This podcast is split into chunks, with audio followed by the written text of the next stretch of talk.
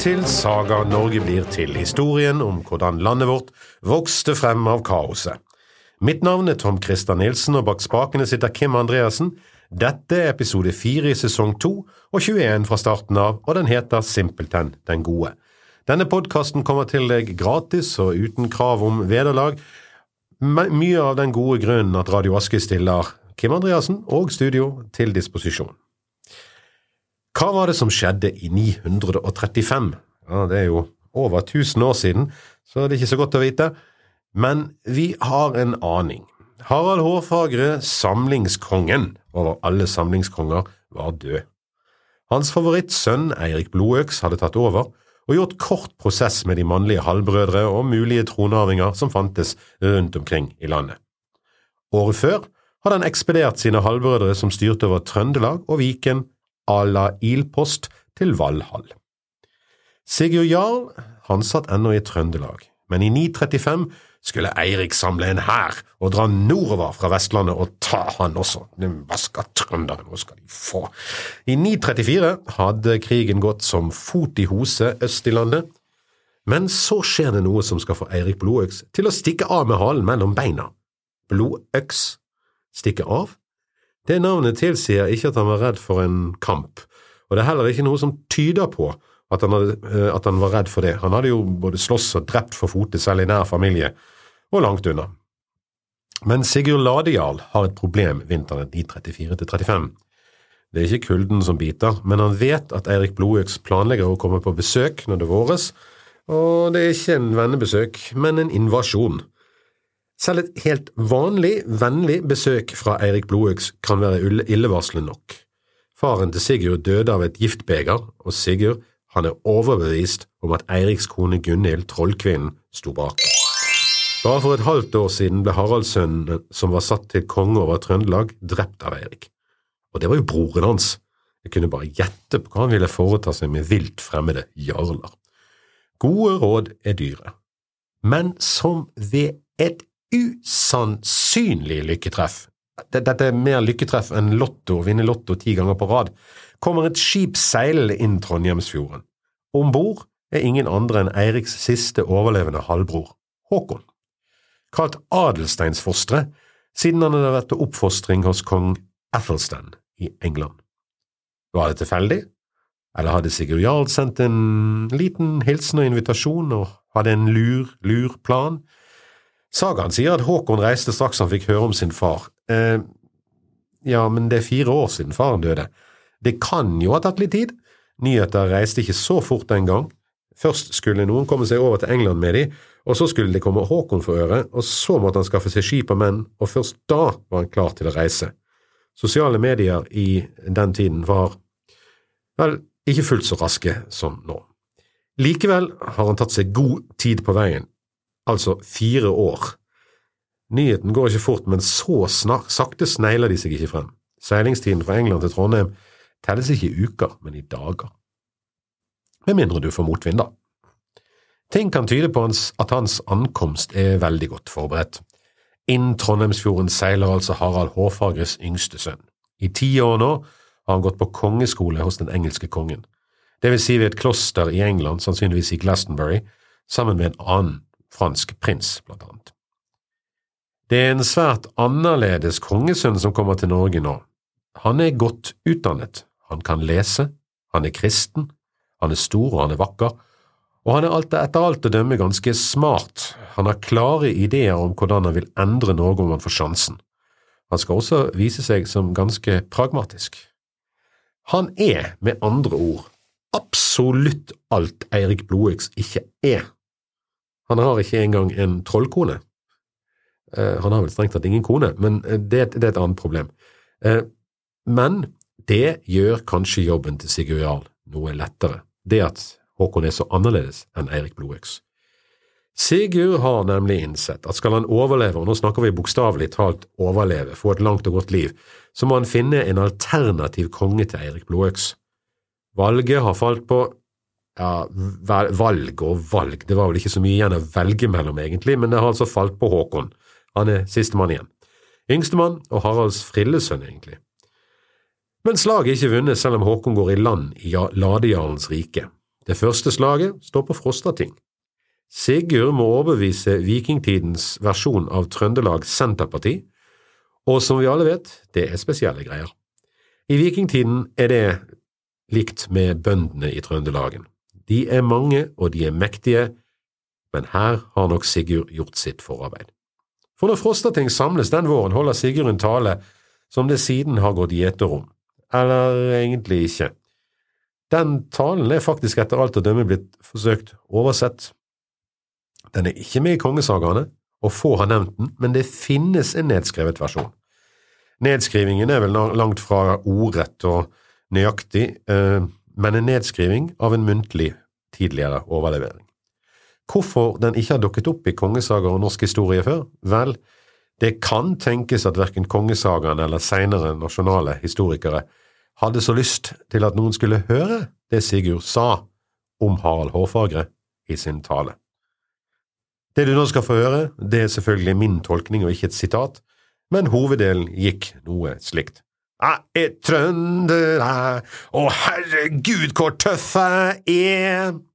Nei, sånn var det ikke. Det var nok mer sånn her. Frender, venner, friborne menn. Vår frihet trues av ham de kaller blodøks. Som kong Harald har satt til overkonge over oss, det er uten at vi er blitt spurt, som rett og skikk er. Han godtar ikke den ordning kong Harald satt en gang, med underkonger, og vil ha all makt for seg sjøl og sin kone, trollkvinnen Gunhild, den slue, den onde.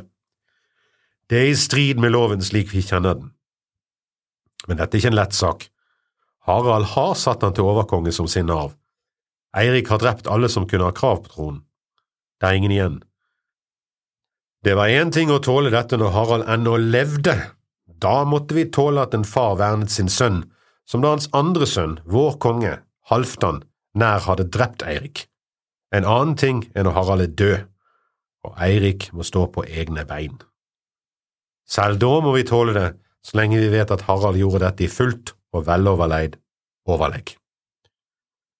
Men det er noe som har lagt meg på hjertet, men som jeg ikke har følt jeg kunne si så lenge Harald levde.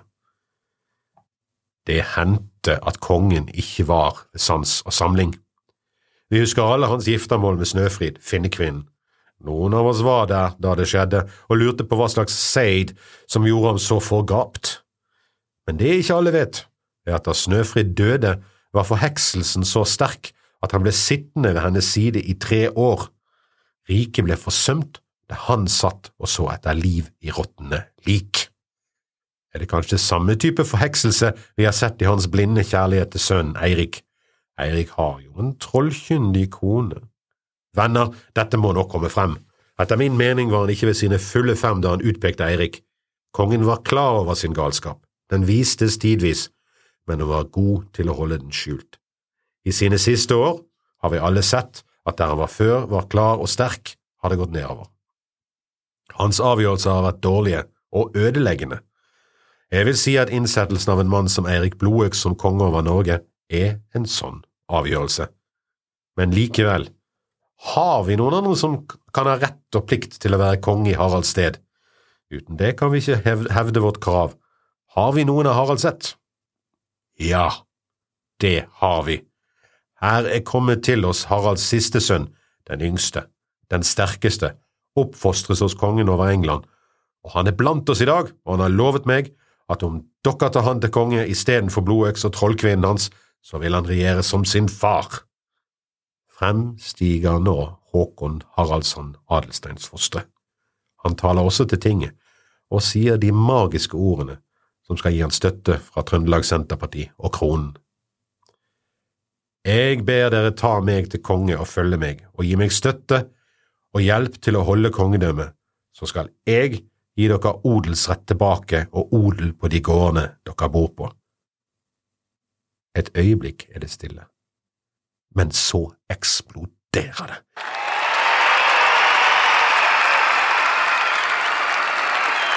Det er ikke rart at ting der i Trøndelag nå eksploderer av begeistring. Her står en mann som ser ut som en ung utgave av Harald Hårfagre, og han lover å gi de tilbake den odelen dersom de tar han som konge den odelen Harald tok ifra dem. Dette er en mye bedre deal enn det Erik lover de. Og Eiriks deal er rett og slett sverd og utbytting. Men selv for tusen år siden var det altså landbrukspolitikken som var avgjørende. Hvor dypt dette satt med odelen som Harald hadde tatt fra bøndene, er kanskje vanskelig å forstå, men det sitter dypt. Det ser en også på dagens diskusjon om det samme. Det er historisk sus over diskusjonen om odelsretten. Det var det Harald tok, og det Håkon ga tilbake. Men den gang gikk det kanskje mer på faren for at kongen skulle ta gården ifra noen. Det var viktig. Det var den eneste tryggheten en mann og hans familie hadde. For Sigurd Håkonsson ladejarl er dette en ubeskrivelig lettelse. Uten Håkon vil han etter alt å dømme måtte slåss en langvarig og utmattende krig med Eirik. Det kan ennå skje, men nå har han et alternativ til denne tyrannen. Det er en mulighet for å beholde ladejarlens stilling i Trøndelag. Han kunne jo ikke vite det, men det ser ut som han har fått et ualminnelig dyktig alternativ. Håkon ser ut til å skjønne hvordan han skal snakke til folk og håndtere massene på tinget. Den første kongen som er velutdannet og kan lese, ser ut til å ha fått med seg mer enn Sigurd noen gang kunne håpe på at Håkon hadde fått med seg i løpet av sin tid i England. Det skader ikke at han har et godt forhold til England også, danskenes andre naturlige fiende. Håkon og Sigurd bruker tiden godt denne vinteren. De får også god hjelp av et rykte som går som ild i tørt gress, en ny Harald, som gir bøndene odelen tilbake. Ryktet farer fort, veldig fort.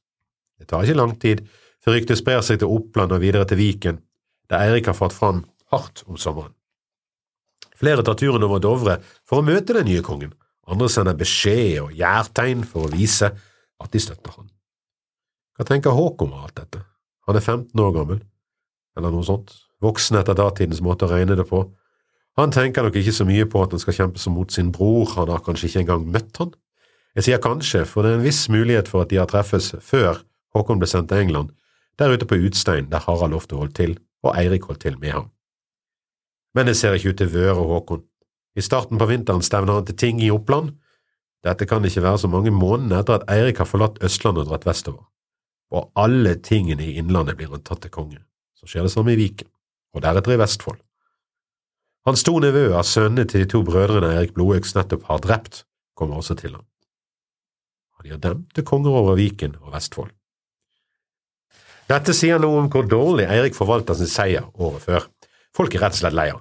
Håkon kommer når minnet om fjorårets nederlag er ferskt, og folk vil ha hevn. Det er mange som har slektninger, fedre og sønner å hevne. Bare noen måneder etter sin store seier er Norge i ferd med å glippe ut av hendene for Erik Blodøks. Det har bare gått noen få år siden faren døde. Dette lukter fiasko lang vei. Hele Norge forventer nå et stort nytt slag, et nytt Hafrsfjord. Håkon reiser til Trøndelag og får hjelp av Sigurd Jarl til å reise en stor hær. Vikværingen er med på laget og reiser sin egen hær for å komme han i møte. Dermed er scenen satt for norgeshistoriens største knipetangsmanøver, der vikværingene vil komme fra sør og trønderne fra nord. Lykkes det å koordinere dette, vil Eirik sitte hardt i det. Men det er lettere sagt enn gjort. Ennå har Eirik en sjanse om han kan ta de to fiendene etter tur. Håkon er uerfaren, og vikværingene, vikværingene har han slått grundig før. Eirik byr ut her på Vestlandet, men folk vil ikke. Stormenn glir unna og er ikke å finne når hærpilen kommer. De har reist, kanskje for å slutte seg til den nye kongen. Til og med vestlendingene er lei av herr Blodøks og fru Gunhild trollkvinne. Folk har også begynt å føle seg fri til å si hva de faktisk mener om Eirik og hans hoff, og det er ikke gode ting de sier. Mange har klager å føre fram, han blir rett og slett baksnakket. Ikke det at de som snakker trenger å finne på ting å klage over, det har Eirik fint sørget for sjøl, det er plenty å klage på. Eirik skjønner tegningen, som vi har hørt før. Han ruster sine skip og stikker av. I et æresbasert samfunn som dette det er kanskje det verste du kan gjøre, stikke av som en feiging. Kommer ikke til Valhall på den måten. Det blir ingenting av det store slaget. Hafrsfjord 2 skjer ikke denne gangen. Og det er sannsynligvis like greit for Eirik. Senere opplevelser skal vise at det ikke bare var å lese Håkon hadde lært, han viser seg også som en ualminnelig dyktig hærfører. Det farer en lettelse over landet når Eirik stikker, kanskje ikke minst hos Håkon sjøl, men han tror ikke helt på det. Han drar straks ned til Vestlandet og overvintrer der, for å være sikker på at Eirik ikke skal prøve seg på et comeback fra vest, holder han en hær i Sogn, Hordaland og Rogaland. Der sitter de og leker venteleken, helt til de får nyss om at Eirik er død. Med Eiriks død forsvinner den siste teoretiske utfordreren til Håkons makt, i alle fall for en tid.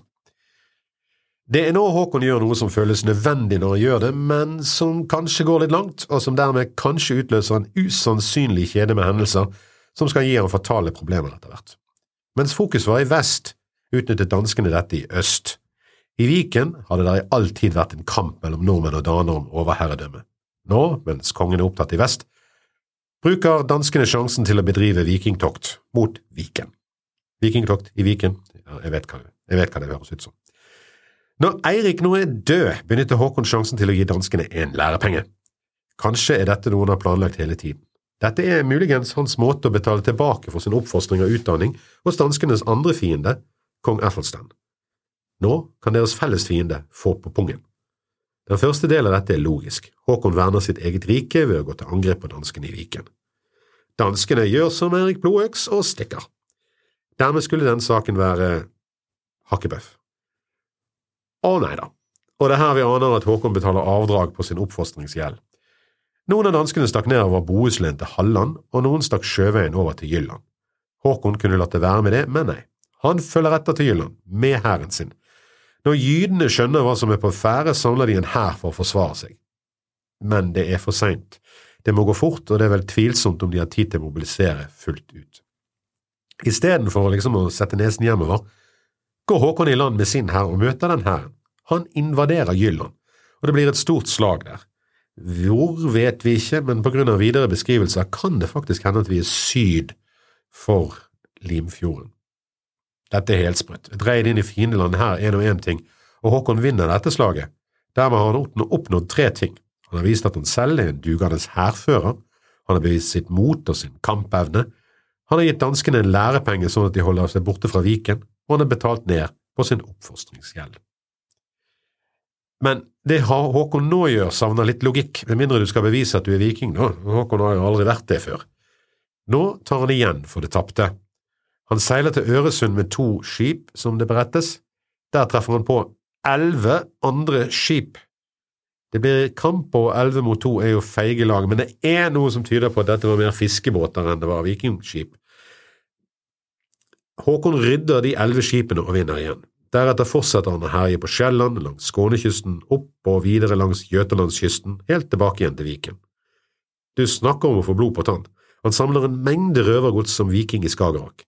Når han endelig kommer hjem igjen, er det ingen tvil om at dette er en konge som kan kjempe, og en god viking. Men, og det er et stort men, med dette blodige reidet har han satt seg i respekt, men han har også skaffet seg en fiende. Danskekongen kan ikke la dette passere. Foreløpig har han ikke kraft til å seile over sjøen og gi Håkon kamp, han har intet krav på den norske kronen og ingen allierte i Norge. Alt ser ut til å gå Håkons vei. Men så ramler plutselig en haug med faderløse og en enke inn døren til danskekongens hoff.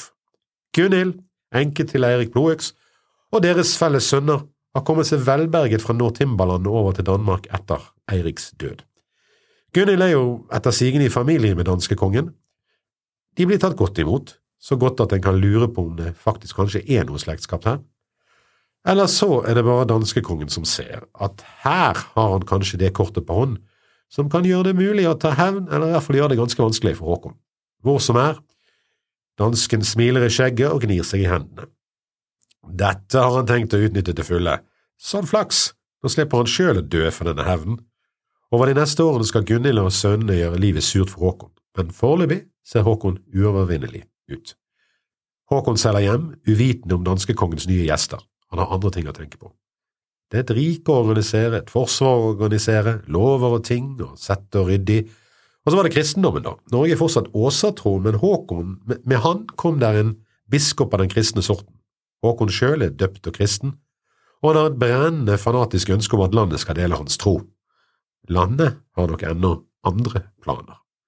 Mer om dette i neste episode. Dette var episode 21, Den gode. Jeg er Tom Christer Nilsen, og bak spakene har Kim Andreassen styrt showet. Har du spørsmål eller kommentarer, send de til tom.christer.gmail.com, og velkommen til neste gang til historiene om den kristne.